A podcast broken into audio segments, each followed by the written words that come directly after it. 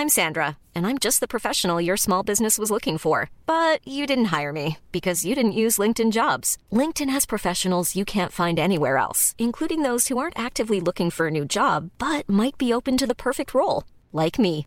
In a given month, over 70% of LinkedIn users don't visit other leading job sites. So if you're not looking on LinkedIn, you'll miss out on great candidates like Sandra. Start hiring professionals like a professional. Post your free job on linkedin.com/people today. Even when we're on a budget, we still deserve nice things. Quince is a place to scoop up stunning high-end goods for 50 to 80% less than similar brands. They have buttery soft cashmere sweaters starting at $50, luxurious Italian leather bags, and so much more. Plus, Quince only works with factories that use safe, ethical, and responsible manufacturing. Get the high-end goods you'll love without the high price tag with Quince. Go to quince.com slash style for free shipping and 365-day returns. Hey, Dave. Yeah, Randy. Since we founded Bombus, we've always said our socks, underwear, and T-shirts are super soft. Any new ideas? Maybe sublimely soft. Or disgustingly cozy? Wait, what? I got it. Bombus. Absurdly comfortable essentials for yourself And for those facing homelessness. because one purchased equals one donated. Wow, did we just write an ad? Yes. Bombas. Big comfort for everyone. Go to bombas.com slash ACAST and use code ACAST for 20% off your first purchase. Och sen först vet jag att vi åt ihop och sen bara... Fan, alltså, vad sa han egentligen? Alltså, så kan han inte säga. Alltså det är, det är den största styrkan men kanske också det som har fått dig att må så dåligt som du kanske har gjort ibland också. Eh, Jag gick i nian, då fick vi svininfluensavaccinet. Och därefter så drabbades jag av kronisk huvudvärk. Välkommen till Casual Business Podcast med mig, Melker Adolfsson och Gustav Boder. Idag så kommer vi intervjua en av Sveriges intressantaste entreprenörer och du får hänga med. Tycker du att det låter intressant så kolla vår vlogg på Youtube där du får se godbitar från Casual Business Weekend. Och som alltid, vi släpper ett avsnitt den 10, 20 och 30 varje månad. Take it away. Mitt namn är Emily Lund och jag är 25 år gammal och driver sedan ett och ett halvt år tillbaka städbolaget Hemtrevligt. Just nu håller jag på med ett nytt projekt eh, som kommer vara beläget i Spanien där vi vill hjälpa folk att förbättra sin hälsa. Min bakgrund till allt detta började när jag var sex år gammal då jag ramlade ner för en klätterställning och råkade ut för ett trauma. Och det fortsatte sedan när jag blev sjuk av svininfluensavaccinet i ungefär 15 års ålder. Och hösten 2020 så diagnostiserades jag med ME. Eh, så detta har följt mig genom livet och eh, fört mig till dit jag är idag. Kul att du är med oss idag och eh, vi får höra din liksom, spännande resa och allting som du har varit med om och alla, hela berg och dalbanan som varit ditt liv sedan du var sex år gammal. Eh, Det ska bli sjukt kul att lyssna på det. Nej, vad, vad trodde du när du kom hit? Alltså innan du kom hit, vad, vad trodde du då? Eh, Ja, alltså, jag blev så chockad när Gustav skrev till mig. Jag frågade ju honom om vi kunde du skrev till luncha. mig ja, jag skrev till dig och frågade om vi kunde luncha. För det var Anna från J som var på mig. Ah, men du måste ju gå på Melker och Gustav och luncha med dem. Liksom. Så bara tog jag mig och bara skrev och så svarade Gustav tillbaka att ah, kom hit, vi ska spela in eh, Casual Business Weekend och vi ska paddla och vi ska äta trerätters och ja, allt sånt där. Jag kände bara, vänta nu, vad har jag gett mig in på? Men eh, så kul och det har hänt så mycket här också. Jag sa att vi borde haft på kameror 24-7. Vill du recapa en gång från igår morse när du kom hit? Vad, vad som har hänt? Vi kom hit först eh, och sen åkte vi iväg och käkade lite lunch. Sen var vi iväg och paddlade kanot. Eh, sen var vi tillbaka här igen. Eh, vi åt förrätt. Ja. Sen fick ju Melken idé att vi skulle gå och kallbada. så det drog vi iväg och gjorde. Och så bastade vi. Och så körde vi lite intervju. Och sen var det middag på kvällen och efterrätt. Och sen här nu på morgonen så har vi ju käkat frukost och sen så gjorde vi en eh, andningsövning kan man säga. Ja, och den tog ju väldigt starkt. Eh, så att den, eh, jag började gråta. Det var så här, känslor som kom upp som man inte, ja man kunde inte styra dem helt enkelt. Eh, så att, ja. Det händer saker hela tiden här. Ja, Det känns kul. som vi har känt varandra i längre än eh, Det var 24 timmar. Ja, men det gör verkligen det. Det är jättesjukt. Ja. Mm. Så härligt. Och det är så, um, jag känner att vi har klickat så bra. Eller vi har lite så här samma intressen och det är väl det här pusselbiten jag saknar typ hela mitt liv. Ha entreprenörer omkring mig som, ja men vi har pratat väldigt mycket kost. Och det har inte jag kunnat göra med någon annan. Eh, Så, så att det är jättekul. Mm. Mm. Ja, men intressant. Och jag tänker så här, om vi börjar från början. Ja. Vem är Emily Lund? Jag är en 25-årig tjej från eh, Slätta, Falköping. Eh, Driver sedan ett och ett halvt år tillbaka städbolaget Hemtrevligt. Mm. Eh, Är i grunden civilekonom och blev klar förra sommaren, 2020. Just det. Så nu driver jag Hemtrevligt och jag har lite mer projekt på gång. Och jag håller också på nu att utbilda mig till så kallad GAPS coach från USA. De som inte vet vad GAPS är så är det en diet som går ut på att man läker kroppen. Man kan läka ut eh, sjukdomar. Kroppen har en fantastisk förmåga att läka ut eh, ja, sjukdomar helt enkelt. Mm. Om man bara ger den rätt förutsättningar. Så det håller jag på med och det är väl det jag ska göra mitt nya projekt. Just det. Och vill, vill du berätta lite om, ge någon teaser på det här nya projektet? Jag har ju hört lite, men du är lite väldigt hemlighetsfull. Ja, jag, väl, men jag är så här, först ska man lyckas, sen eh, berättar man typ. Nej, men det är ett projekt där vi kan säga kommer kunna hjälpa väldigt många människor som har drabbats av vad man säger kroniska sjukdomar som eh, kanske inte egentligen är kroniska. Eh, kronisk betyder egentligen bara mer än 12 veckor. Det är ingen som säger att du är liksom Aha. dömd till livet med den här sjukdomen. Det visste inte jag. Vad skulle det kunna vara Jag trodde kroniskt var hela livet. Alltså man, det Mer går än inte 12 att bota veckor. säger man ju till Ja, men det är det här nästan vad vi har pratat om, valda sanningarna. Man Ja, tror att man är går kronisk inte. och så bara, nu är jag sjuk för resten av mitt liv. Men du kan definitivt Men ut vad det. sjukt. Det är sjukt att Det- inte man vet det. Mm. Aning. tänker på det. Nej. Och samma typ, alltså ordet diagnos Mm. betyder egentligen två som inte vet. Men och en kronisk sjukdom, vad, Mm. vad skulle det kunna vara för någonting? Ja men alltså det finns ju massa diabetes, eh, Alzheimers, man säger att ME, MS, alla de sjukdomarna egentligen. Mm. Just det. Och, och du har ju själv en, liksom, en bakgrund från, från det här. Alltså det är Mm. inte av slumpen du håller på med, med liksom kroniska sjukdomar. Och hur började allting? Eh, Allting började egentligen när jag var runt omkring, eh, jag gick i nian, då fick vi svininfluensavaccinet. Ja. Och därefter så drabbades jag av kronisk huvudvärk. Så man då inte visste, vad det var. Men jag liksom hade sån fruktansvärt huvudvärk.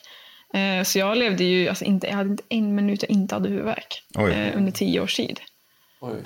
Och jag var jättedålig och ja, läkarna sa ju så här att ja, men skolan är ingenting för dig längre. Och så, där. så jag hoppade av gymnasiet först. Va?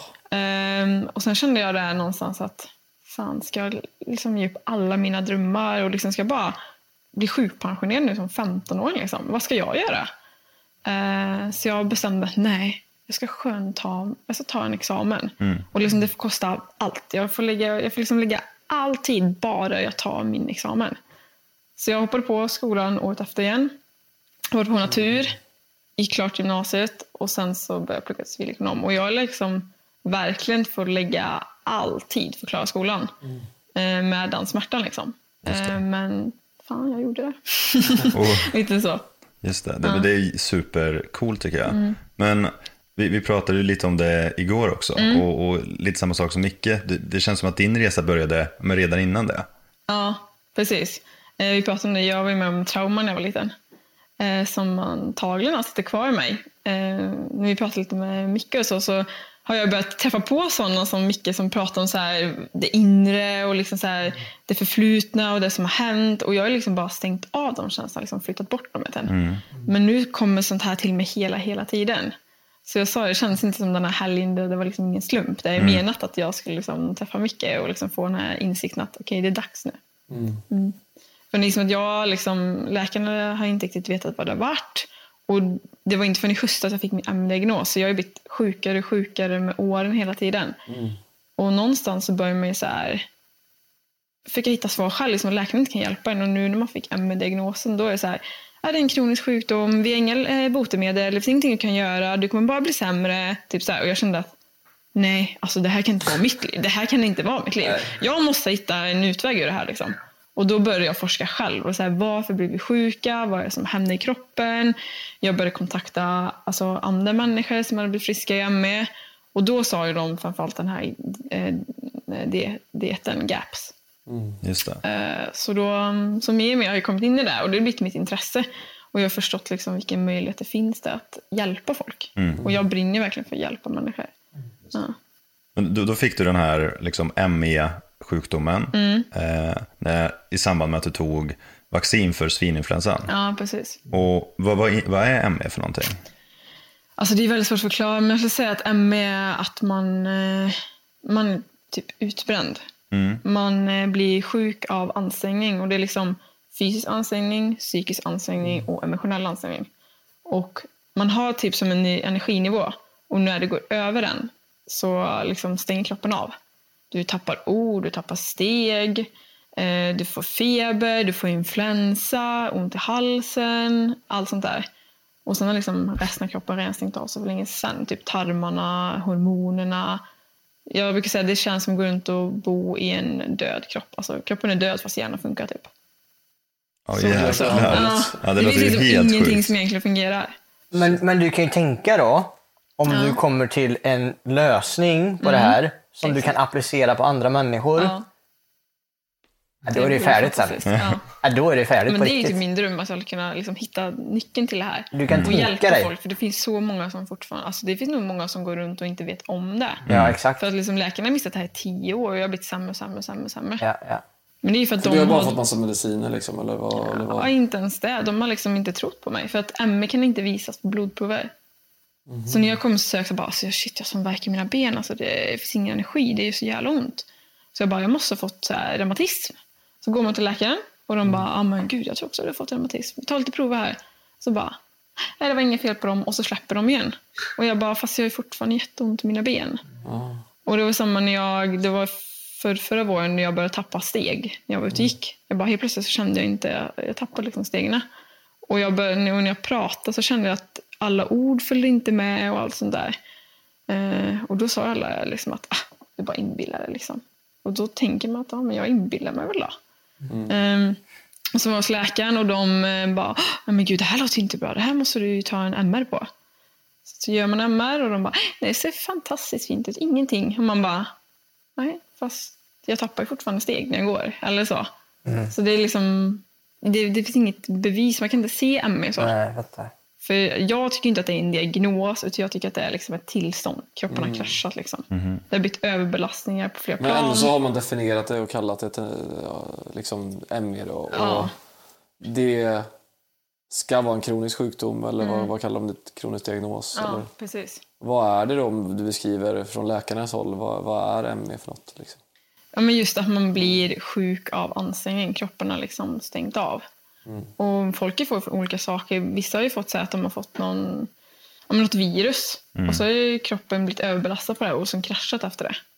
Och så får de här symptomen. Just det, och du fick liksom samma reaktion fast genom det vaccinet då? Ja, precis. Okej. Jaha, eller du trodde det var vaccinet eller var det kombinationen av att du hade, fick de här eh, grejerna från vaccinet? Att du blev väldigt nedsänkt eller hade svårt att kanske hålla upp energinivån och kanske pressa dig att du skulle ändå så skaffa den här examen Exakt. kanske? Jag tror att jag fick vaccinet. Jag har alltid levt under väldigt hård press på mig själv. Alltså, Många kan se mig som en väldigt lättsam och glad människa men jag är ju extrema krav på mig själv och extremt så här, seriös. Eh, Så jag ska ju alltid prestera i skolan och vara den duktiga flickan och aldrig kan göra några misstag eller liksom sådär.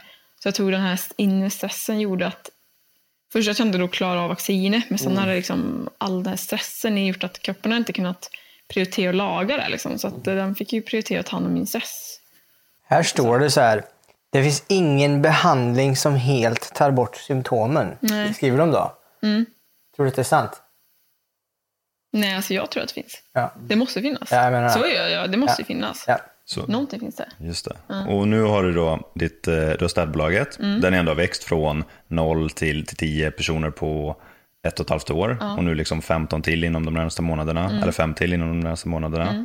Och sen liksom fortsätta expandera det. Mm. Och samtidigt då så ska du, ehm, det här konceptet då. Nej, men som sagt, vi ska bygga upp eh, ett ställe i Spanien där vi ska kunna ta dit folk och så, så hjälpa dem att bli... Alltså man får inte säga friska, men vi ska förbättra deras symptom än vad de har idag. Friskare? Friskare! Friskare. Inte så. Eh, Bra så det ligger mig väldigt varmt i hjärtat. Just det. Men eh, jag tror att ändå hemtrevligt att jag fortfarande har fått... Många frågar sig nog hur kan du ha ME och hur kan du vara företagare? Och det gör mig lite förbannad den frågan. För jag blir så här, okej bara för jag har fått en ME, ska jag då ligga i sängen här och så vänta på att livet liksom rinner ut? Jag tycker att nu kan jag liksom fokus på hemtrevligt. Och då, jag tänker inte på att jag är sjuk liksom, utan okej jag har feber, så men jag fick inte lägga någon värdering i det, för jag tror det är livsfarligt att liksom Verkligen. bli sin sjukdom och bara, jag är ME, jag blir sjuk och jag rör på mig nu, liksom, typ lite så. Men herregud, du måste ju existera. Alltså, då kan Mm, verkligen. Alltså, här, när du existerar så kan du göra saker. Exakt. Alltså, Ja. det, det är ju inte faktiskt så att eh, bara för att man eh, vilar och är sjuk Ja. Så tänker du inte. Liksom. Det är klart du tänker ändå. Det är Ja, klart det att du så. kan prata ändå. Det är klart. Och vad är driva företag egentligen? Ja, men precis. Så jag, är så här, De jag, vet tror, ingenting om det då. Bara. Eh, eh. jag tror att det är viktigt att vara sig, så mycket sig själv som jag tänker. Jag är ju en driven människa. Och jag vill inte att min ME ska liksom stoppa mig. Utan jag, och jag har alltid liksom hittat andra sätt i livet. Liksom jag har alltid varit sjuk då nästan. Eh, Så att eh, det är jag ju van vid. Att liksom hitta nya vägar istället. Jag tycker det är så coolt, liksom, för om jag bara utgår från mig själv. Jag har ju alltid varit men, fysiskt frisk om man säger så. Men ändå är det ju jävligt jobbigt i, i stunder att liksom driva bolag och, och hålla på. Mm, och det ger mig sån stor respekt för ja, men dig då, som har liksom ME på det. För hur, liksom, hu- hur bollar du allt det? För som jag förstått det som, om du blir liksom stressad då får du influensa, ungefär så. Det är typ någon korrelation Ja, där. precis. Ja. Men vill, du liksom lite tips och tricks där? Nej, men det handlar ju mycket om det mentala liksom. och sen eh, lyssna på kroppen.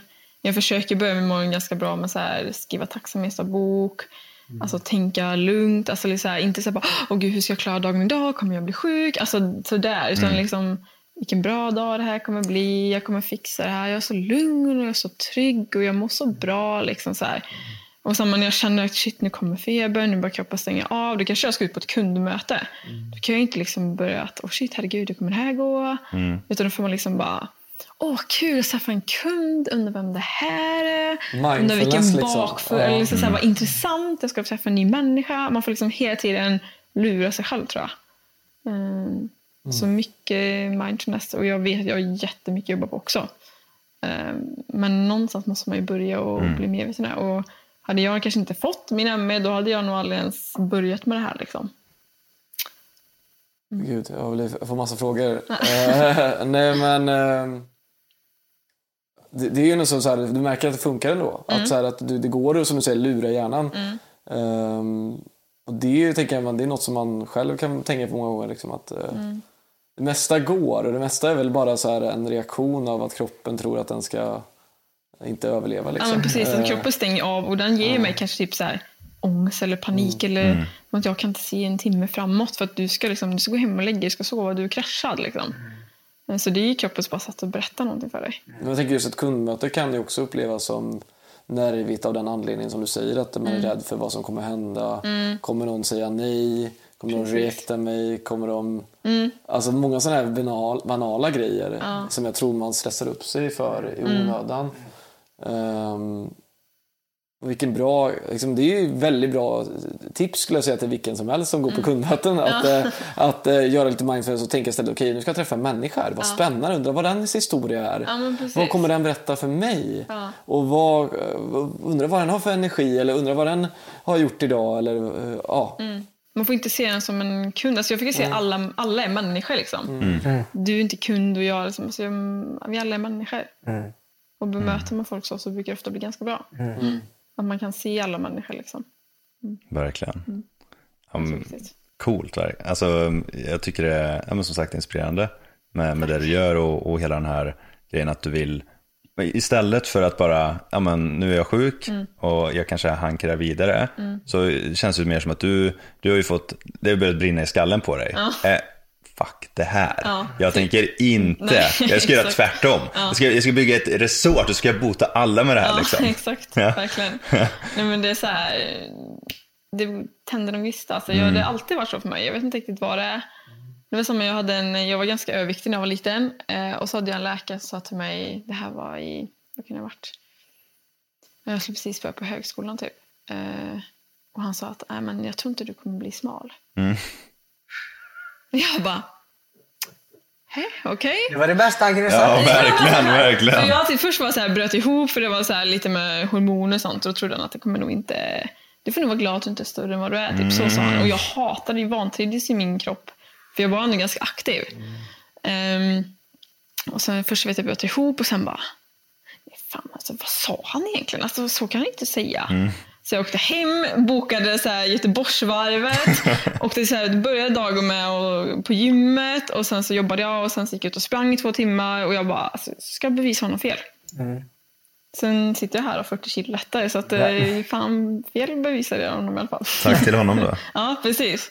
Ring upp ja, Tack. Bara, tack, tack. nej men alltså liksom det här att, men, ja, jag känner bara att nej, det här kan jag inte acceptera det här. Det här är inte jag för fem öre. Just det. Så att eh, det måste finnas en utväg. Ja, verkligen. Men och, och om vi kollar tillbaka på Hemtrevligt då, städbolaget. För, vill, vill du berätta mer om det? Vad är er grej? Liksom? Är det ett vanligt städbolag eller har ni någon eh, USP? Hur funkar det? Mm, alltså vi är ju, skulle jag säga, inte ett vanligt städbolag. Um, vi kanske är, vad ska man säga, jag vill inte säga lyxbolaget av städbolag, men lite så. Det klart det är. Ja, men vi fick la förmedla lite så här hotellkänslan, både liksom kvaliteten men också servicen runt omkring eh, ut till kunderna. Just det. Ehm, och jag tycker att städ, alltså många ser städat så här, ja men alla kan ju städa och sådär. Men jag säger nej, alla kan inte städa. Verkligen inte. Det krävs så mycket mer. Och alltså, sen ens, ens hem, det är liksom det mest personliga man har. Så det måste vara hitta personer som liksom kan ge den här tryggheten och förtroendet och verkligen bryr sig om hemmet. Inte bara släppa in någon hur som helst och liksom kasta runt folk. Ehm, och det har jag ju märkt stått väldigt, väldigt bra. För folk är ju extremt rädda om sina hem. Men Man vill väl heller inte städa sitt hem? En del. De tycker att det är skönt att så här, nu kan någon annan komma och städa här hos Ja, mig. de tycker det. Men de, de är så här, bara, Åh, ska jag släppa in någon? Vem kommer Okej. in hit? Mm, Vem ska det. röra i mina grejer? Lite Ja. så. Ja. Det är ändå liksom ens hem och materialerna. Liksom, man kanske har Mm. ömtåliga golv och liksom så här. Det, är, det är ett stort steg märker jag. För Ja. de bara, ah, men jag funderar på Men det är väl länge." kontrollbehovet liksom också. Att Ja. det är, ja, men jag har liksom koll på läget här. Jag vet hur jag vill ha det. Men typ. Och så så ska bara- någon annan pilla i mina grejer. Och, ja. det är så första känsligt liksom. Ja, men precis. Det är ju verkligen det. Så jag fick verkligen att alla har sin städerska så. Och att de skapar verkligen ett förtroende och en personlig relation. Så de ska inte känna här att ah, men, idag kommer städerskan hit än, utan ah, idag kommer Anna hit. Hon kanske kan hjälpa oss med det här. Alltså, det är som en del i en familj. Liksom. Eh, Väldigt smart. så att, eh, verkligen. och det, det är tror jag är framtiden. De skapar en trygghet. Personlig relation. Ja, men verkligen. Ja, men det var det du sa som, som fick mig att liksom bara, okej, ja, men det, det är inget snack. Alltså att ni, ni, inte bara städar, ni gör allt. Ni liksom pantar burkar, ni tar ut, eh, ja, men byter sängkläder, ni gör eh, ja, men allting man vill att man ska göra. Ni handlar, ni liksom ser till att allting bara är gjort. Ja, men exakt. Men är som man köper en service, om man köper till exempel städ, då vill man inte ha sina, nej vi är ju inte där, vi är ju inte där och vi är inte där. Alltså du köper ju städ, alltså du vill ju ha ett fint hem. Sen, alltså många människor behöver ju mer hjälp kanske än bara städet. Och Mm. då ser inte vi något problem att vi inte skulle hjälpa till med det. Nej. Vi vill ju vara service-minded. För oss spelar det inte roll liksom vad det är, bara vi kan hjälpa våra kunder. Det är det viktigaste. Mm. Ja, nej, jag vet Gå på behovet 100 procent. ja, Ja, men så. Så att, ehm, Mm, Jag vet ju bara när vi har haft städ, vi har ju testat massa olika. Mm. Och de har ju varit så dåliga. Alltså så dåliga, så riktigt dåliga. Alltså jag, jag fattar, alltså den här marknaden måste... vi, har, ja, vi har ju haft den här diskussionen. Ja, Den här marknaden måste liksom bara, bara, bara ta över dem, slakta det. För jag menar, de har ju ingenting där att göra. Nej, de kommer hit och så säger de att Nej, men vi kan inte diska. Liksom. Så bara, nej, Mhm. vad ska ni liksom städa runt våran disk då? Eller vad, vad är grejen? Ja, nej, men det är så. Jag kan inte själv förstå det. Ja, jag blir Ja, men de, frustrerad, de, rekommenderade oss att städa före de kom och städa. Så att, eh, Men varför blir- har du då en städtjänst? Slakta dem! Slakta dem bara! Ta över skiten! Ja, jag tycker det. Alltså, jag menar, deras servicenivå är ju så här. Det räcker ju att man har en okej, alltså att man ligger på en vanlig mänsklig nivå. Liksom. Ja, och så, precis. så ligger du långt före dem. Ja. Men vi vill ju att man ska ha den här flexibiliteten. Att, "Ja, kan ni hjälpa oss att göra ugnen? Ja, men det är klart vi gör. Det, Om det är önskan, det är klart vi gör det. Så, mm. så att, ehm, ja, det är nästan lite så här chockande att det faktiskt inte finns så många städbolag som gör jag så. Det är jättekonstigt Det är jättekul. Ja. Nej, men lite är det samma sak med servicen där. Att, Ja, att eh, istället som du säger, dra ner på kostnaderna, billigare personal, mindre service. Mm. Det ska vara billigt liksom. Eh, jag tror istället det handlar om att skapa värden. Mm. Vi investerar ju i helt ny teknik. Eh, ni investerar i bra personal. Ja, exakt. Eh, Det är klart att inte det blir samma prisbild kanske. Mm. Men så länge det inte handlar om kostnader utan eh, om eh, värde, Mm, precis. då är det ju värt. Ja.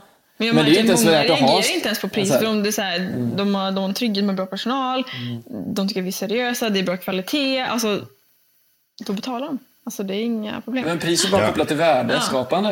Ja, men det är som om man går på restaurang liksom. Ja. Alltså om man går till en restaurang, vibesen är skit. Maten är jättegod men vibesen är riktigt dåliga. Alltså det är det sämsta restaurangbesöket jag är på i alla fall. Så om, det är bra, alltså priset kan vara jättehögt men maten är god, det är bra atmosfär, det är liksom bra service. Mm. Servicen är jätteviktig. Men med, med, med, med liksom det i åtanke då, att er konkurrens är sådär. Vad är er expansionsplan?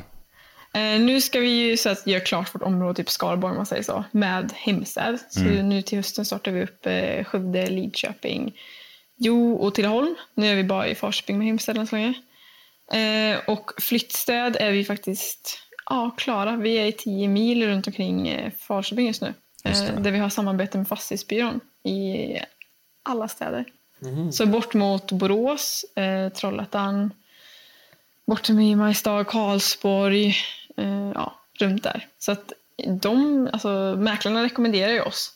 Eh, så att de kunderna får ju vi, vad ska man säga, in gratis utan någon marknadsföring. Utan vi har verkligen gått ut och gjort ett jävligt bra jobb. Eh, och sen när det går som, har det bara löpt på. Mer och mer jobb och mer och mer samarbeten. Och sen liksom vi blir tillfrågade, ah, kan inte ni ha samarbete med oss? Och sådär. Så det är jätte, jättekul. Just det. Och det, detta har liksom gått från noll till då snart 15 personer på ett och ett halvt år. Ja. Och i början alltså, då var det bara min pappa, min syster som var ute och städade. och jag var liksom admin då, som att jag fortfarande pluggade. Ja. Eh, och de bara åkte ut och gjorde ett jobb i taget, gjorde det jättebra. Och sen blev det ett till samarbete. Och så gjorde de, de bara fortsatte och fortsatte. Vi byggde, en sån bra grund. Och vi sa det, det första året, det får bara vara ett år vi bygger grunden. Liksom. Lugnt och sakta. Och sen är det bara så här, pang nu. Just det. Det liksom exploderar på alla ställen samtidigt. Ja. Så det är jättekul. Verkligen, superroligt. Vilken Jättekul. resa ni har framför er också. Ja, verkligen. Det ska bli... Du kan tänka dig ibland flera hundra pers om året. Ja, In, exakt. om man tänker på den expansionsfasen. Så det, ja, det är fantastiskt. Mm. Men jag tänkte på en grej som du sa till mig när vi, precis typ 20 minuter efter vi hade träffats. Mm. Alltså, du önskar att du hade gjort det tidigare. Men jag tror jag tror vi diskuterade det här med skolan och så. Jag pluggade ju till civilekonom, fast jag egentligen visste redan innan jag pluggade att liksom, jag ville bli egenföretagare. Så jag började redan där med de planerna. Jag liksom bodde hemma och, och åkte till Jönköping. Eh, Pendlade varje dag. För att jag bara, jag sparar pengar för jag ska bygga bolag. Liksom. Så att, eh, ja, det hade jag varit lite mer så här, trott på mig själv så hade jag redan där startat något bolag. Eh, Men det var så här, alla stöt åsikter runt omkring. Mamma och de liksom så här att ja, men du måste ha en utbildning, du måste ha en trygghet. Det här, liksom så. Och jag kände bara att skolan har aldrig passat mig. Så jag hoppade in i någonting och jag kände också här, både med min huvudvärk och det att det här är inte gjort för mig. Att plugga liksom så här fyrkantigt. Jag fick inte vara kreativ, ingenting. Alltså jag har verkligen de här fyra åren jag visste liksom det redan från början. Så det Du gjorde var fyra år. fyra år. gjorde Du jag. alltså, gick, åkte till skolan varje dag, fast du inte ville det. I fyra år. Bara för att det är så här. Och jag var också som eh, liksom Det- det- det- prestationsmänniska. Ja. Att jag kunde inte få en omtenta heller. Så jag har liksom gått de här fyra åren utan en omtenta. Det är bra gjort. Ja, det är ju bra. Det är, du, du, du, du har liksom Jag förstår, jag förstår ju nu varför du klarade tre minuter i kallbadet igår. Ja, ni var ju så det- det chockade och jag var så här liksom. bara... Va? Tre tre minuter är ingenting. Jag har bankat huvudet fyra år, Alltså, det liksom. var inte ens den tanken att jag skulle gå upp fanns ju inte ens. Nej, Nej, det är bra det är jobbat. sjukt. Alltså det är, det är den största styrkan, men kanske också det som har fått dig att må så dåligt som du kanske har gjort ibland också. Så, Ja, och det är kanske är det här som är jobbigast med MN. Att i alla år har jag bara kunnat köra på. Alltså det spelar ingen roll om jag kanske sovit en timma. Jag har bara liksom, jag har suttit och gråtit framför mina böcker för jag har så jävla ont i huvudet. Liksom, så att jag, men jag bara, tänker inte gå och lägga mig. Jag ska plugga fyra timmar till. Alltså, och jag kan liksom sova en timme, Oj. upp, fortsätta plugga åtta timmar. Alltså helt så här. Alltså, din- egentligen din inte grit normalt. är ju- Men Ja, grit. Din grit är ju på extrema nivåer. Många brukar säga att jag är envis, men jag känner mig inte igen mig i det där. Helt ärligt alltså. Ja. Nej, men alltså, kanske det har ju också gjort att jag har hamnat, eh, Alltså, hamnat där. inte. jävlar. Men det är väl det som är min att men jag kan inte pressa mig själv. Alltså jag försöker. Hur jag än gör, men alltså jag går sönder. Alltså jag kan inte röra mig. Alltså, hur mycket jag än vill så går det inte längre. Och det är väl det som gör mig så jävla frustrerad. Att jag inte kan pusha mig själb. Fattar. Men För att jag har kunnat göra det. Men nu går det liksom. Kroppen stänger av. Det här är bara en tanke nu. Så här, men kan det inte vara så här då? Att du har fått det här. Att du har varit så jävla hård mot dig själv. Ja, ja, ja. Alltså det låter ju extremt. Alltså, är jag tycker jag är superbra. Extrem. Men jag kan inte ens relatera till det du beskriver. Jag känner mig som världens chillaste person när du säger det Jag där. med! Alltså bara såhär, nej, nej, nej, nej. Alltså, verkligen. Alltså, jag, när jag verkligen måste så har jag ju kanske liksom pressat mig. Men konstant under fyra års tid. För något som man inte är motiverad för. Nej, det är Nej. helt omöjligt. Men jag tror jag inte men det här är bra, men alltså, civilkår är ju ganska bra om man vill starta företag. Jag, alltså, jag har ju fått väldigt mycket kunskap. Det är inte så att jag Nej, jag menar inte det. Jag menar, men det är ju Nej. tänkt att de som pluggar med dig, dina klasskamrater, Ja. som gick samma linje, som gjorde de här fyra åren också. Jag kan lova dig att de gjorde, hade någon omtenta någon, någon gång. Ja, det hade de Eh, definitivt. Ja, exakt. Ja. Och de kanske kände någon gång när de satt där, "Nej, fan, det, jag testade och ser igår och kanske klarade tentan ändå. För att de sov mer, så att de var lite mer utvilade på tentan. Ja. Och mådde kanske bättre och var mer utvilade. Men tänk också alltså att förstår de- du skillnaden? Liksom? Ja, ja, det är en jävla skillnad. Alltså, verkligen. Ja. Och också att de kanske hade motivation. Ja, Och för att alltså, man blir bara- balanserad, man, man chillar, man, man kanske chillar sig igenom eller flowar sig igenom det istället liksom. Som vi pratat om innan. Det gjorde inte jag. Nej. alltså, grejen är att, alltså, jag kan inte säga att jag, alltså, jag fick ju, hade ju väldigt bra betyg, det ska jag inte Mm. säga. Men även om jag hade väldigt bra betyg så hade mina kompisar också ganska bra betyg. Och de hade ju inte lagt ner den tiden. Exakt. Typ så. så att, Och varför, ehm, det är det där, det där, är, det där är svårt, balansen liksom. Mm. Men jag Men, förstår ju alltså vilken smärta. Om du inte ens ville plugga som du säger och du ville starta företag. Ja, men jag, vill, alltså, jag gillar ju friheten, alltså att vara Ja. kreativ. Alltså, Men den alltså, shit. friheten, att bara få en tanke. Okej, det här gör jag. För jag har alltid alltså, jag har fått så mycket så här, företagsidéer som jag vill göra. Som jag bara, nej, så jag ska gå upp på skolan. typ så här. Men jag tänker också, alltså, alltså, ja. Jag vill så Ja. tacka på också. Kör. Du sa, eh, du bara, ja men eh, dina föräldrar intalar mig att man, måste ju ha en trygghet. Ja, men, Vad är det här, vad, vad är det för dig? Alltså är, är en utbildning nyckeln till trygghet? Och är, är trygg, vad är trygghet för dig liksom? Stämmer det ens? Eller, är det, eller kan du hålla med dem? nej, nu skulle jag inte säga. För jag har ju sett att det finns så många som har lyckats liksom, utan utbildningen. Men man är så inpräntat det här, man går i skolan. Det var ingen som sa till mig när jag gick i skolan att "Ja, ni- kan ni, vill ni bli företagare? Liksom. Det var ingen, alltså, och definitivt inte Falköping. Alltså, det var så här, du går i skolan, du skaffar en utbildning och så liksom... Som att livet skulle gå så här. Verkligen så. Vad, vad, är, vad är sambandet mellan eh, bra utbildning och trygghet då? Ja, men det är väl en vald sanning att det är så. Okej. Och jag har nog hört det, liksom, att skaffa en Jo, utbildning. men vad är förklaringen bakom det? Har, har du någon? Nej. Nej. Nej. Nej, men det är det som är så roligt. Det är Jag är inte mer trygg idag bara för att jag är en UP, för jag skulle inte vilja jobba. Alltså, jag skulle inte vilja ha ett fast arbete. Men jag tänker så här, du måste ju bli ett mon... Alltså, jag måste bara gå tillbaka till det. Alltså, Ja. Dina konkurrenter borde ju vara rädda nu. Du, du har liksom köttat i fyra år för någonting du inte är motiverad för. Nu har du någonting som du bestämmer själv över. Du kan i princip ja, men, bara bli en maskin och jobba på. Ja. Även om du liksom har dina limits nu. Kanske bra. Men det Kanske sjuka bra. kan du göra det så kan du göra vad som helst. Ja, men nu har du ju, och, det med företagen, när du bygger ett bolag, där får du ju, alltså i skolan, då, då kan du få ja, men, klara tentan. Och, och det kan man göra med väldigt olika typer av eh, eh, insats. Du kan få samma betyg med olika typer av insats. Liksom. Men i företagen, då är det ju svart på vitt. Ja. Om du gör jobbet och du gör det bra, då kommer du växa snabbt som attan. Medan om man inte gör det, ja, men då gör du inte det. Men Jag vet att det kommer gå bra. Ja, det är... Nej, men, Verkligen. eh, Ja. men det är coolt. ehm, Ja. Men hur var din tid eh, när du liksom fick den här problematiken med vaccinationen av eh, vad var det, svininfluensan? Ja, svininfluensavaccinet. Ehm, hur var den perioden då? Liksom? Var det verkligen som man brukar säga att man, man, du sov hela tiden? Eller du fick kunde somna när som helst? Eller? Jag fick inte det här, vet du, sömnapné Nej, eller... jag- Narkolepsi. Ja, det var kanske det jag fick. Ja. Ja. Eh, utan för mig var ju den här kroniska huvudvärken, jag fattar inte var den kom ifrån. Jaha, det var huvudvärk Ja, det var alltså. huvudvärk liksom. Och i början där så... Ja, men alltså jag, förstod, jag hade så ont, jag liksom förstod inte och jag försökte. Vet, så här. Eh, och um, jag gick kanske en så här, tre, fyra veckor och klagade så här. Och sen sa jag så till mamma att alltså, jag har så ont i huvudet. Alltså. Det är så ont, det, är, det har inte slutat liksom. Ehm, och jag hade precis börjat gymnasiet då. Så jag började så lite hamna efter skolan. Jag har alltid varit toppelev liksom. Så då var det mamma som bara, "Ah, men vi får ju boka en tid med lärarna här så att de får liksom hjälpa dig.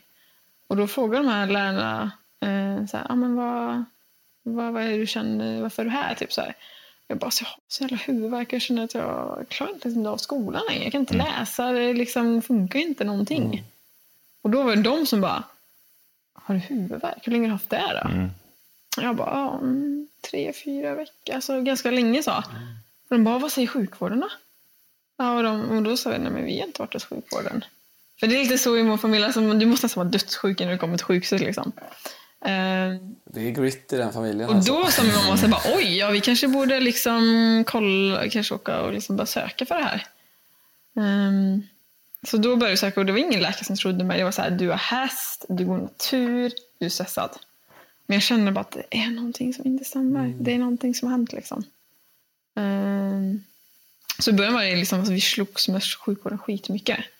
Tills de en dag, ja, det här kanske var fyra månader senare, de gjorde en sån här eh, lumbalpunktion. Du går in med nål in i ryggmärgen. Och då märkte de att jag hade för högt tryck i liksom ryggmärgen upp runt hjärnan som tryckte på hjärnan. Liksom. Och då hände det ju grejer. Liksom.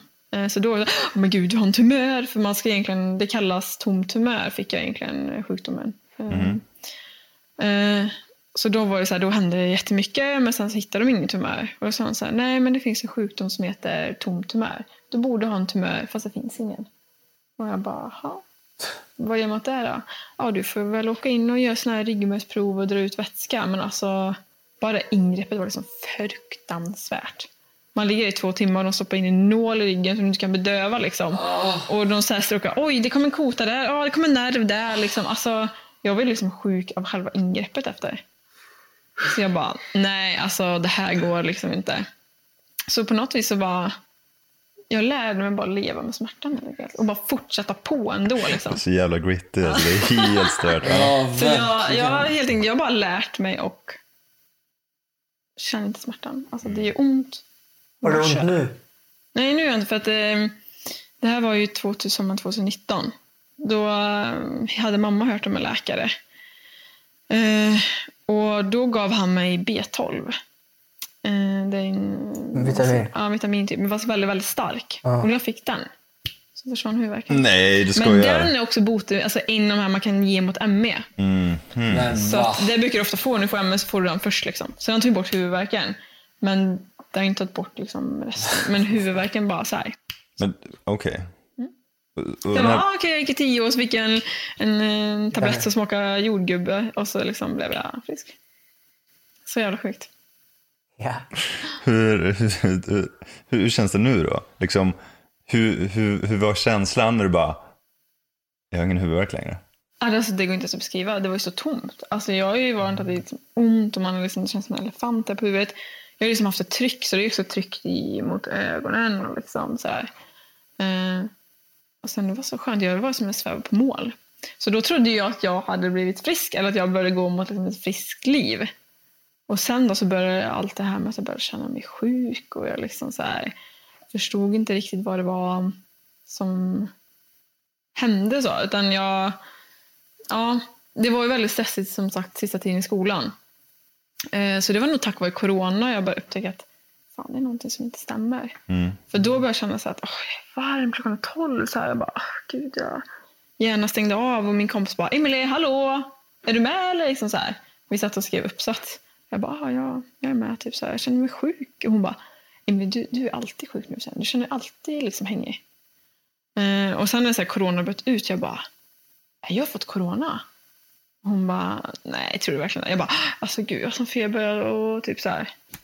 Men sen hände så vaknade jag morgonen så frisk liksom. Och så kände jag igen igen. Och så jag gick runt där bara, alltså jag har corona, jag har corona. Och hon bara, Emily du, du säger att du har corona hela tiden typ. Och vi satt ju bara hemma liksom och skrev så att vi träffade ingen människa. Ehm, men sen där någonstans, det här var ju våren 2020, eh, så började jag liksom så här söka på mina symptom. Så här, sjuk vid ansträngning. Eh, och då kommer så här ME upp. Men det är typ som att du söker så här, "Jag har ont i tån. Ja, du har cancer i kroppen. Alltså man bara stänger ner liksom. Den där sjukdomen, den har inte jag liksom. Usch, fy. Så att, jo, jag fick upp den hela tiden så här. Så bara, men alltså det, det, det, är typ inte fel. Och alla runt omkring bara, ja men du, har ju, du är utbränd. Du har ju pressat dig själv för länge liksom. Men jag kände mig inte utbränd. Det är som att på morgonen när jag vaknade så var liksom Emelie driven jättepigg och fräsch. Och sen desto mer timmarna gick och jag började göra saker så desto mer stängde kroppen av. Liksom. Och sen på kvällen så kraschade jag ju. Eh, Så det var ju att jag förstod inte och jag kämpade ju liksom emot hela tiden. Jag var så här, van att pressa mig själv. Så eh, jag vet på, kväll, på kvällen typ, när jag fick så här ont i halsen, det brann liksom i halsen. Och jag bara, så ska jag gå och träna? Typ. Och mamma sa att ja, men Emelie, det är kanske är bra att du går och tränar. Det är bra för ditt, liksom, ditt huvud. Typ. Ja, det är sant. Det är sant. Typ. Så jag stod på gymmet och det bara brände i halsen. Och jag kände jag bara, gud, jag har feber, jag får feberfrossa. Men jag stod där och liksom fortsatte bara, fortsatte bara pumpa. Liksom. Sen kom, jag knappt knappt att jag tog mig hem. Liksom. För jag hade sån feber och sån liksom, värk och liksom och så bara kom hem, började storgråta och bara “jag mår så jävla dåligt, vad fan är det fel på mig?” typ. Och så vaknade jag dagen efter och så gjorde jag samma sak igen. Så jag bara fortsatte så. Du har Liksom. inte flowat genom livet direkt. Nej, det kan jag inte säga. Så att, eh, det var nog när jag väl... Det var en kväll, det här var i augusti 2020, som verkligen kraschade. Jag hade varit på gymmet och verkligen kraschat ordentligt. Och då kände jag, nej. Jag kände inte ens mig själv. Jag är borta i huvudet hela tiden. Jag har feber, jag är sjuk. Och jag kunde inte somna. Så då fick jag upp det här ME igen. Jag sökte så, såklart. Och då gick jag, klickade in där, läste på, alltså på riktigt om ME. Och så kom på, eller fick jag läsa om en historia. Och det var som att läsa om hela mitt liv. Jag bara, shit, jag har ME. För det var så här, alltså ME är så liksom, det är sådana höga krav och det är så liksom specifika saker. Så det är liksom, Som vad? Typ? det var li- ja, men alltså typ att du just blir sjuk vid ansträngning, det kommer i skov, eh, dina tarmar funkar inte, dina hormoner funkar inte, så kroppen är liksom, ja men alltså kroppen är verkligen död. Och det här mentala, att jag kände att jag kunde sitta vid datorn och sen efter en timme så var jag sjuk. Jag suttit och liksom ansträngt mig mentalt. Ehm, och jag bara så här, jag kollade på de här kriterierna som man behövde få för diagnosen jag bara så här, bockade av den ena efter den andra utan problem. Jag bara shit, alltså, vad, alltså jag har ME. Alltså. Och det var så här, hela min värld liksom rasade då. För det enda jag såg var så här, du vet, sitter i rullstol, sover 20 timmar om dygnet, vaken fem minuter. Alltså jag såg ju bara, allting bara så här, Rasa, rasa, liksom. framför mig. Och jag fick sån dödsångest. Alltså det var helt sjukt. Jag ringde och bara skrek till mamma. Bara, jag har ME. Typ, och hon bara, Emily, vad håller du på med nu? Jag bara, jag har ME. Och hon bara, nej, Emily, vad, sitter, ligger du här och liksom googlar på natten nu på dina symptom? Jag bara, mamma kolla här, kolla här. Liksom. Det, alltså, allting, det står hela mitt liv står ju här. Liksom här. Ehm, och sen dagen efter så ringde hon och bara, ja, jag tror också att du är med. Typ så. Men hon bara, men Emily, för jag så, det enda jag såg var ju typ så här, jag vet inte om ni har sett i nyheterna, det var någon som hjälpte sin fru att dö. Har ni sett det på afton? Eller det har varit mycket på Nej, nyheterna. men Men så här konceptet. dödshjälp. Ja. Hon hade jag med. Och det var typ bara sånt jag fick upp. Liksom. Att det, det var dödshjälp och det var liksom, du kan inte vara vaken, du bara sover. Alltså, jag var så här, hur ska jag vända det här? Hur ska jag, vad ska jag göra? Liksom så här, det finns inget botemedel. Men hur, hur vänder du då? För jag menar, du sitter ju här nu. Ja. Och det ser inte ut som att du är död, din kropp liksom. Nej, verkligen inte. Nej, men min mamma har sagt, har ju Det var ju liksom tre tidigare... minuter i iskallt vatten igår. Ja, eller- har- Ja, vi har paddlat kanot, vi har liksom ja, eh, jag härjat Och vi har runt. haft massa energi. Vi har satt uppe till, vad var det, ett på, Jag två på vet, natten. alltså, det är sjukt. Jag kan inte ens, alltså, Jag har ju så spelat in mig själv när jag har varit i mina sämsta och du kan inte tro att det är jag. Alltså, det är helt sjukt. Men eh, det är i alla fall där och då, då så... Min mamma har ju hållit på med det här med funktionsmedicin långt tidigare. Och hon har sagt till mig, men du äter fel kost. Typ, så här. Och jag är så här, fitnessmänniska. Jag bara, nej, jag äter den här kosten. Typ, så här. Och hon pratar om så här, läckande tarmar och, liksom, och jag tänkte alltså, Jag bara, nu tror min mamma att tarmarna läcker Mm. också. Eller så här, jag var jätteemot det. Men hon bara, jag har träffat jättemånga människor som har blivit friska av ME. Det finns hopp, det går liksom.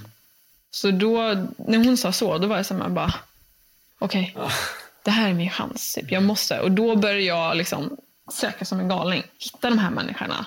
Vad gör, har ni gjort? Vad har ni gjort? Liksom så här. Och försöka förstå. Och sen har jag bara läst på, läst på, läst på. Och sen har det blivit mycket som...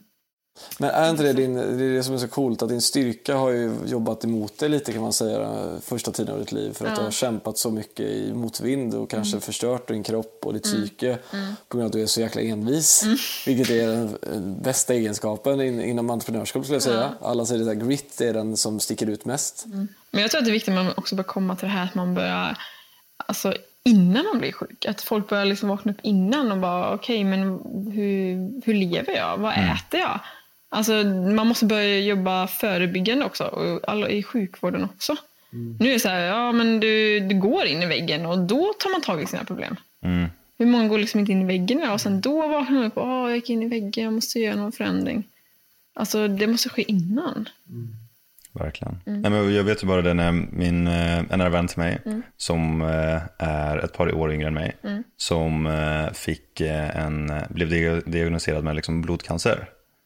Och ja, väldigt så rare typ av det. Mm. Och som, vi pratade om det, liksom, det var, jag var uppe på sjukhuset samma dag som han liksom fick beskedet sådär, att sjukhusmaten Mm. är så dålig. Den är fruktansvärd. Jag menar alltså att det är så långt ifrån typ det här, vad, vad heter det, gap? Mm, gaps. Gap-kosten eller liksom, Mm. ja, bara en bra kosthållning. Ja. Att det måste ju bara, och han, han var väldigt liksom inne i, i att ha en bra kost, träna Mm. mycket och sådär. Mm. Ehm, men att det var liksom nedslående, liksom Mm. mentalt nedslående att det var så dålig standard på den. Ja, Näringsfattigt. liksom. Ja. Och att det var liksom socker, de fick någon så här efterrätt med, och det var jättemycket socker och bara kolhydrater och det var så här, man bara, jag skulle aldrig äta det där. Nej. Ja, Men alltså på Nej, men riktigt, det är inte- det är inte vad har du för bra. val om du är inlagd liksom? Har du så mycket val? Nej, Ja. Du blir inte friskare. nej, det är det jag menar. Det är ju konstigt. Det är jätte...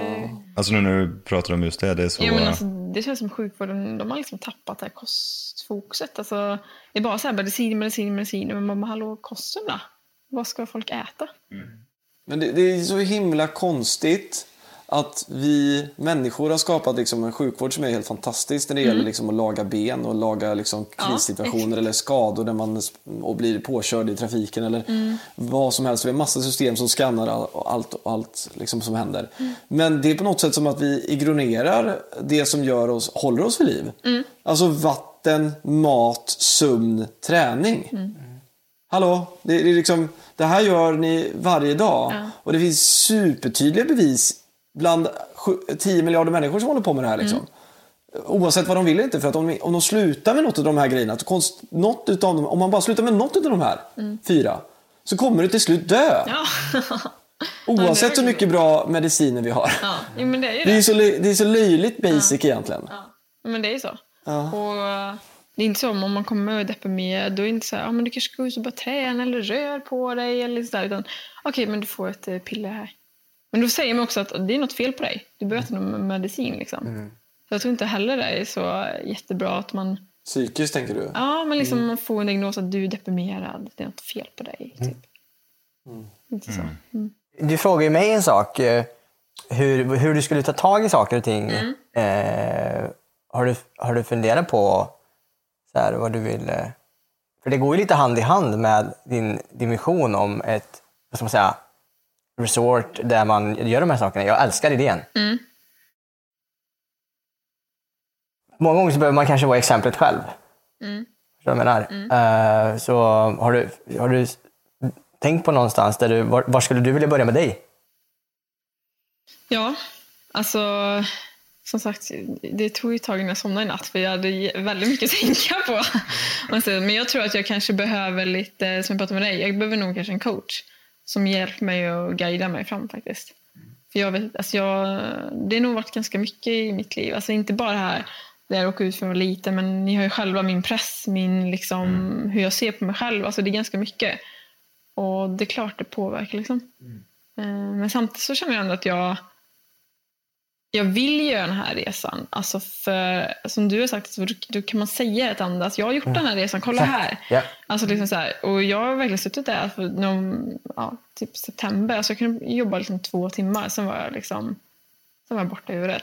Och nu liksom sitter jag här och kan jobba liksom hel dag. Och nu är det mer det fysiska som är jobbet för mig. Mm. För, jag- för jag Så jag tänkte, har ändå gjort en väldigt stor framsteg. Ja, på Jag, tänk, jag tänkte sen när du kan säga så här, jag hade ME Mm. och jag har inte det längre. Nej, exakt. Men, alltså, och du har ju berättat alltså, hela din story. Mm. Du, om du, du får ju välja om du vill dela med dig eller inte. Mm. Men jag tror det hade kunnat inspirera väldigt många. Alltså hela din resa från liksom när du var liten, allting som hände då, och sen det här med ME och där det är nu. Mm. Och liksom, det är så coolt. Emily, berätta om eh, något minne som du upplevt när du var yngre som fortfarande lever kvar i dig som du känner att eh, det här påverkade väldigt mycket som, som person. Nej, men jag, eh, alltså jag var med om ett trauma. Jag ramlade ner för en klätterställning när jag var liten och slog i huvudet. Och vad läkarna förklarade att jag slog i liksom personligt center där personligt sitter. Så jag blev personligt förändrad. Alltså jag gick från att vara ett, ett barn, alltså helt obekymrad, glad, liksom, förstod inte kanske vad livet var, till att liksom bara, "Ah, man dör. Mamma och pappa kommer dö. Alltså sådär. Och jag utvecklade en väldigt, väldigt grov separationsångest mot min mamma. Och pappa, men främst mamma. Så jag säga. Ehm, och jag mådde extremt dåligt under väldigt, väldigt många år. Alltså jag låg och liksom skrek av ångest. Alltså det är det jag minns. Liksom, att jag ska gå till skolan, jag ligger på golvet, skriker och liksom har sån grov ångest att liksom jag spyr. Alltså jag mår så dåligt. Eh, och det var väl ingen som... Jag tycker att de har gjort fel sätt att att liksom hjälpa mig. Eh, de lärarna hotade mig.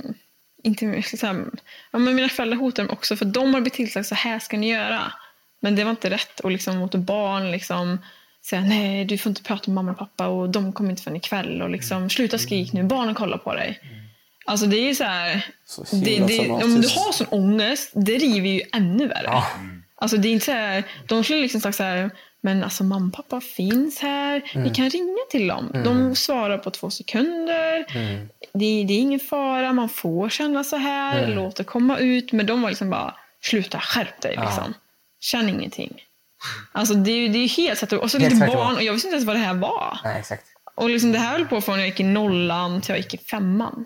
Det är ganska många år. Ja. Och sen har jag ju liksom inte, ja men lite som jag är, jag har nog bara liksom f- förslått bort det och liksom bara fokuserat framåt. Liksom. Men det här började från du var sex år Mm. och under en lång tid. Ja. För, alltså från sex år, när, tog, när fick du sen eh, den, den här eh, dumma sprutan eller vad ska jag säga? När jag gick i eh, ja, men, eh, åtta, nian där. Ah, Så det, liksom, det var typ sen jag hade precis nästan, vad ska man säga, återhämtat dig? återhämta mig. När jag gick i sexan där, det var liksom då kanske första gången jag sov över hos folk. Oj. Jag började liksom sluta ringa mamma och pappa hela tiden. Jag började liksom ta mig ur det här. Och det fick inte jag hjälp utan det var liksom så här små steg själv hela tiden. Att okej, idag ska jag inte ringa mamma och pappa på rasten. Alltså liksom sådana saker. Eh, Hur och- tog dina föräldrar det här? Det måste varit tufft för dem också. Liksom, eller hur reagerade de? Liksom? Ja, alltså. Det är klart det var tufft, men jag tror de... Alltså jag har fyra syskon. Det har varit ganska högt tempo hemma hos oss Ja. också. Liksom. Eh, så att, och vi har inte kunnat prata om det heller. Alltså min mamma har väldigt dåligt samvete. För det var inte hennes mening. Hade hon vetat att det skulle bli så här, aldrig hade hon åkt. Men du vet, man gör, tar ett beslut så här fort. var det bästa beslutet man, Man tar, tror hon bara, ja det var det bästa. Jag trodde att jag gjorde rätt. Ja, exakt. Jag förstod Vadå, inte det att, att, hon åkte? Eller att, Hon jobbade på Norge, i Norge tiden. Så hon lämnade mig idag. Hon hämtade upp mig på skolan. Såg att någonting hade hänt för att jag var inte den Emily hon hade lämnat där. Lämnade mig alltså som- efter, precis efter att precis efter fallet. Ah. Ja. Eh, Så hon bara hämtade upp mig och såg att jag var helt förstörd. Men ja, att jag hade slagit i huvudet då. Eh, Så hon skjutsade mig till mormor och så drog hon iväg till Norge. Och det enda kanske hade jag behövt. Kanske bara varit mamma den dagen. Jag kanske hade liksom aldrig liksom fått det att utvecklas. Just det, men då var det liksom det här traumat, så lämnade hon dig och det blev traumat att hon lämnade dig mer än att du Exakt. kanske ramlade ner för den här eh, Ja, jag tror, men jag tror att jag vaknar upp och så bara, gud man kan dö typ. Mm. Och det är kanske inte, det här uppvaknandet kanske man inte gör förrän flera år senare egentligen. Mm. Så jag det blev som om man Uppvaknande av att väckte... förstå att man kan dö. Liksom, Ja, eller? men lite så. Jag tror att jag var inte barn så länge jag borde ha varit barn, om man säger så. Mm. Lite så. Och man förstår ju inte alltså, vad är det för känslor och liksom vuxna runt omkring. Alltså, vad är det för fel på mig? Varför är inte jag som alla andra barn? Liksom. Det, Just det. det. är klart. Det. Och sen har jag alltid varit den här duktiga flickan, alltså hjälpt till mycket hemma, växt upp. Alltså, jag var ju lite mamma hemma hos oss liksom. Mm. Eh, Så då har jag ju sen bara kört på istället för att liksom ta tag i de känslorna. Men det är klart, alltså det finns ju kvar igen. Tänka dig hur många som resonerar med det där. Ja, Alltså typ Ja. största delen av befolkningen tror jag. ja. Gissar jag på. Jag tror alla har en historia. någonting. Jag tror det. Alltså, vi har, Man, är vågar inte riktigt själv. prata om det man tror att det skulle vara något fel. Och, så alltså, det är ingenting som är någons fel någon gång. Eller hur? Inte ditt fel. Det är inte mitt fel det som hänt mig och det är inte ditt fel. Alltså förstår du vad jag menar? Det är bara, att- det är bara, det har ju bara hänt. Och jag skyller inte mina föräldrar för de gjorde väl vad de alltså, var bästa i den stunden. Och jag kanske tar samma beslut, det vet jag inte. Det är så. Mm. Sen att vi stod, fick stora konsekvenser, det är en annan sak. Men det, Men då, då, då var det det här liksom, den här ja, men extrema liksom, separationsångesten. Det, var, det var jobbigt i, från att du var då, ja, men, fram, upp till att du var 10-12 någonstans där. Och, och sen tog du den här, den här sprutan. Sprutan. Och, och då började det med liksom, Ja. lite kaka på kaka där. Att det blev, eh, det var allt det jobbiga och, och du mådde inte så bra. Och, och sen så, eh, så ja, gav din kropp också liksom. Den, den la av. Den Alltså, av, den kan liksom. säkert varit sönder. Alltså, jag fick i sprutan så var den säkert sönder av all Mm. stress. Alltså den stresspåslagen man får när man har sån ångest. Liksom. Just det. Så att jag kan tänka mig att det var... Att, ja, det var det Men kan tänk påverka vilken jag en kärnreaktion liksom ändå av, eh, av event som...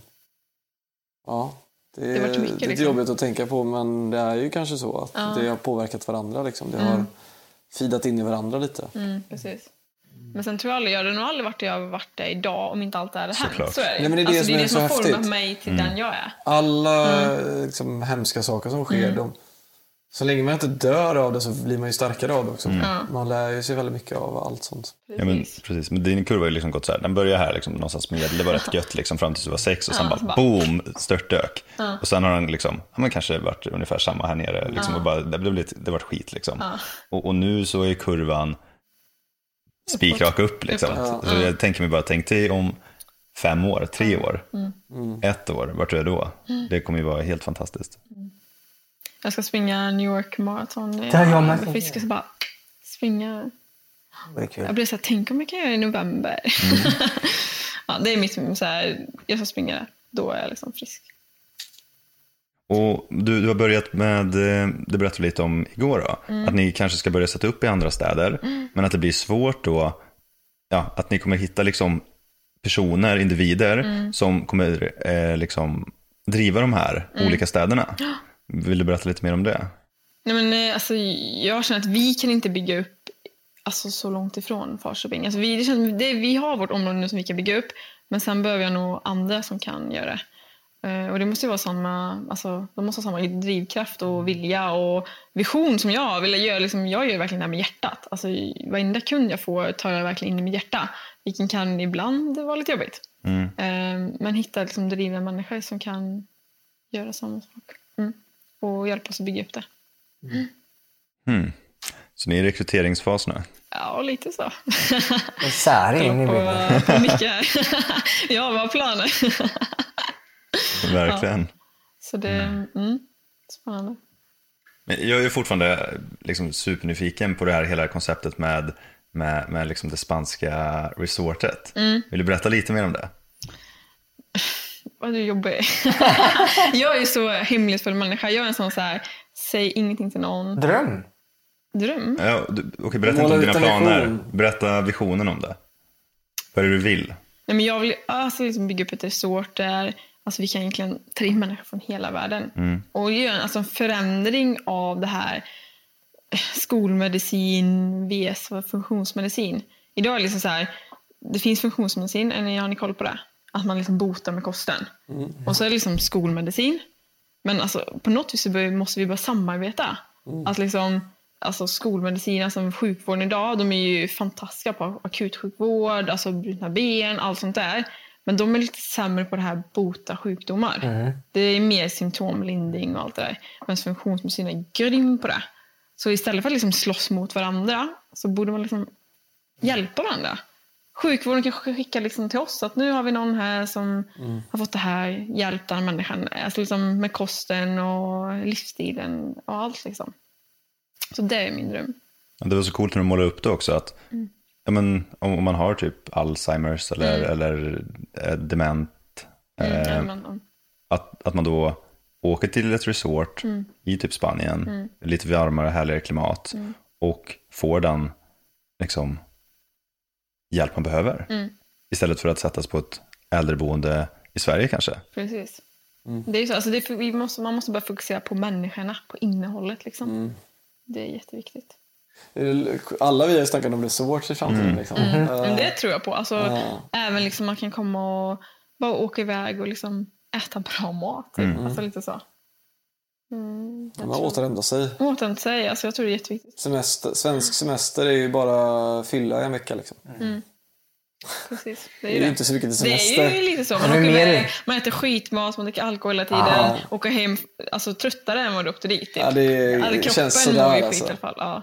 Jag har ju varit på träningsresor två gånger. Mm. Det är ju väldigt bra just för att då äter man nyttigt, man Mm. tränar varje dag, man får sol, man får återhämtning. Mm. Kommer hem som en liksom, supermänniska känner jag när man gör så. Mm. så Och det ökar ju skitmycket de här resorna. Ja. De har verkligen gått liksom, i toppen. Mm. För jag tror folk mer och mer börjar bli medvetna. Mm. Och de måste bli det. Alltså, Mm. det är ju så. Man ser ju alla sjukdomar, liksom, de ökar ju lavinartat. Mm. Varför ökar de lavinartat? Alltså, vissa Mm. sjukdomar fanns inte. Men det är också perfekt nu när, när man nu är så uppkopplad och vi tyvärr har ju blivit på ett sätt ännu mer uppkopplade tack vare corona. Ja. Det är väl den aktiva, eh, negativa grejen att vi rör oss ännu mindre. Vi går inte ens till jobbet längre. Vi sitter fortfarande eh, hemma i liksom våra hem och jobbar. Det, det är klart att det ökar ju på liksom psykisk ohälsa såklart Mm. och även fysisk ohälsa och att man kanske äter sämre, liksom, Mm. ännu sämre. Mm. Så då måste man kanske ha ännu mer behov av att åka iväg och bara göra något helt annorlunda. Bara fokusera på sin hälsa och Mm. verkligen resetta. Mm. Så um, hälsoresor blir ju, ska ju liksom verkligen öka i behov tror jag. Mm. Mm, nu kanske inte det här är en hälsoresa men jag menar... Ja, men det är lite eh, så är eh, det ju. ja, alltså, men det är du kan ju vara där ja, en vecka mm. och få lite hjälp och Ja. bara stöttning. För att Mm. jag tror för svåraste för folk är ju liksom komma igång. Liksom. Och jag märker själv nu när jag gick på den här gapsteten, alltså den var jättekomplicerad. Mm. Och du ska ha tid och ork att stå där i köket och liksom tänka på allt. Liksom. Men om du kan åka någonstans som vi löser det åt dig och du bara får uppleva det. Ja, det var som en typ kickstart. Mm. Jag sa att man bara, alltså, finns det inget Wow. center någonstans jag kan åka iväg och bara bli frisk? Eller så här, Mm. slippa göra det här själv. Mm. Sant. Men uh, det är Som precis som att man lägger in på sjukvården fast nu för att... Precis. Det är inte dumt. Jag är Ja. taggad. Och vissa människor är ju så pass sjuka att de inte orkar, alltså de Nej, klarar inte exakt. av att starta. Nej, utan då, Det då ligger de hemma bara i mörkt rum liksom. Precis. Om man är deprimerad eller vad man nu Ja, vara. det är lätt att bli Ja, det också eller när man äldre mår liksom. dåligt. Alltså kanske inte har några Äldre. nära. Ja. Och det kan vara så att det, det finns jättemånga äldre som kanske har, de har stödstrumpor. Mm. Så kan de inte åka iväg till Spanien för de har ingen som kommer och hjälper dem med stödstrumporna. Mm. Och då blir det så här, alltså shit, det här måste vi lösa. Mm. Det är liksom, det är små saker som kanske håller folk kvar här Mm. i Sverige. Mm. Mm. Ja, det är coolt. Spännande. Väldigt, alltså hela konceptet är fascinerande. Mm. Det är, Ja. Jag tycker hälsa är väldigt fascinerande. Ja. Det är någonting jag brinner för. Tack för att du har lyssnat! Och vill du höra mer och få fler insikter så stay tuned! Vi släpper alltid nya avsnitt den 10, 20 och 30 varje månad året runt. Du hittar mer från oss på både Youtube och Instagram under namnet Casual Business.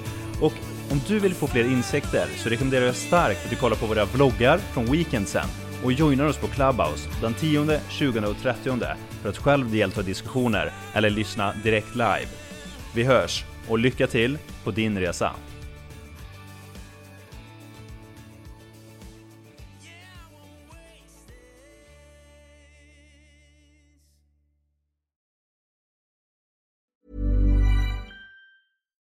Deserves the best, and there's no better place to shop for Mother's Day than Whole Foods Market. They're your destination for unbeatable savings, from premium gifts to show-stopping flowers and irresistible desserts. Start by saving 33% with Prime on all body care and candles. Then get a 15-stem bunch of tulips for just $9.99 each with Prime. Round out Mom's menu with festive rosé, irresistible berry chantilly cake, and more special treats. Come celebrate Mother's Day at Whole Foods Market.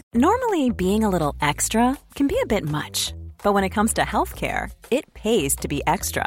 And United Healthcare makes it easy with Health Protector Guard fixed indemnity insurance plans. Underwritten by Golden Rule Insurance Company, they supplement your primary plan, helping you manage out of pocket costs without the usual requirements and restrictions like deductibles and enrollment periods. So when it comes to covering your medical bills, you can feel good about being a little extra. Visit uh1.com to find the Health Protector Guard plan for you.